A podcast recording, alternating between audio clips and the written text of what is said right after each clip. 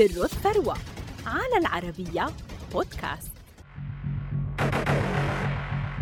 طفلة غير عادية متأخرة دراسيا ومتميزة شعبيا تظهر على شاشات التلفاز وتضع احلاما تجارية كبرى ثم تتحول لشابة طموحة وقوية تقف أمام تحديات صحية ونفسية لتبدأ مشروعا ضخما وتبني ثروة تقدر بنحو 220 مليون دولار. إنها الأمريكية العصامية دانييلا بيرسون فما قصتها؟ نشأت دانييلا في مدينة جاكسونفيل بولاية فلوريدا مع عائلتها التي تمتلك شركة لوكالات السيارات وأمضت طفولتها مع شقيقتها التوأم أليكس حيث عرفت الطفلتان أجواء الشهرة والعمل مبكرا فظهرتا في حملات الإعلانات والتسويق للسيارات تميزت دانييلا أثناء طفولتها بمهارات خاصة بالبيع وقامت فعلا ببيع الأقراط في المدرسة وجنت نحو أربعين دولارا. أثناء الدراسة تلقت أليكس الكثير من الثناءات لتفوقها المدرسي فيما كانت دانييلا تسجل درجات منخفضة بسبب إصابتها باضطراب فرط الحركة ونقص الانتباه. ولذلك كانت تكن أحيانا بشق التوأم الغبي. عندما بدأت التوأمتان رحلة الدراسة الجامعية ذهبت كل منهما لجامعة مختلفة. فكانت أليكس في بنسلفانيا فيما كانت دانييلا في بوسطن.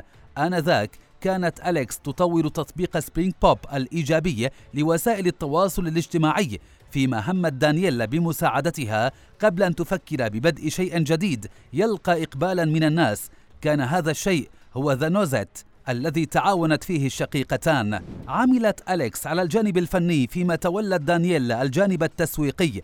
وفي عام 2015 انطلق التطبيق الجديد الذي كان عبارة عن رسالة إخبارية بمحتوى إعلامي في مجالات الثقافة والصحة والجمال والعمل وغيرها من المضامين التي تهم المرأة.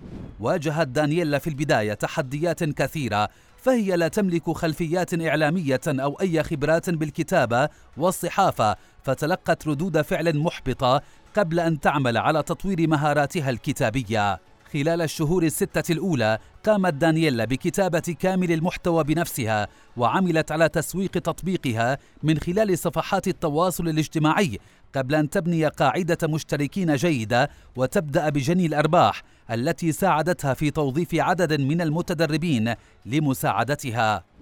استفادت دانييلا من تخصصها الدراسي في مجال ريادة الأعمال في جامعة بوسطن لتنجح في إنشاء شركتها الخاصة ورغم أنها لم تجد وقتا للراحة بين العمل والدراسة إلا أنها نجحت بعد أربع سنوات من بدء التطبيق الجديد بجمع 500 ألف مشترك وما معدله أربعة ملايين مشاهدة شهريا.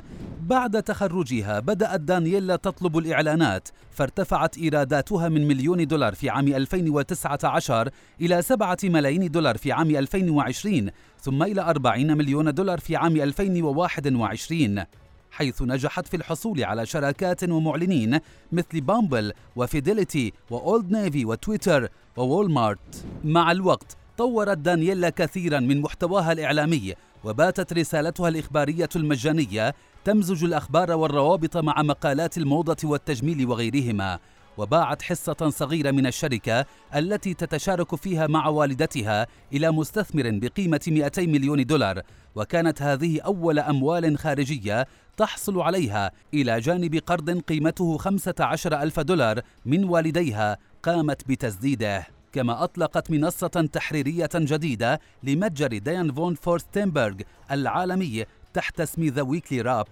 مرت دانييلا بالكثير من المشكلات الصحية خلال مسيرة حياتها فبالإضافة إلى معاناتها من اضطراب الحركة ونقص الانتباه عاشت تجارب صعبة لتخطي اضطرابات نفسية أخرى كالوسواس القهري والاكتئاب لكنها في النهاية نجحت في تحصيل الامتياز الجامعي وجمعت ثروة تقدر ب 220 مليون دولار كما تعد ثاني أكثر شابات أمريكا العصاميات بعد كايلي جينر كما أن أمامها الكثير من الآفاق لتواصل مسيرتها الناجحة.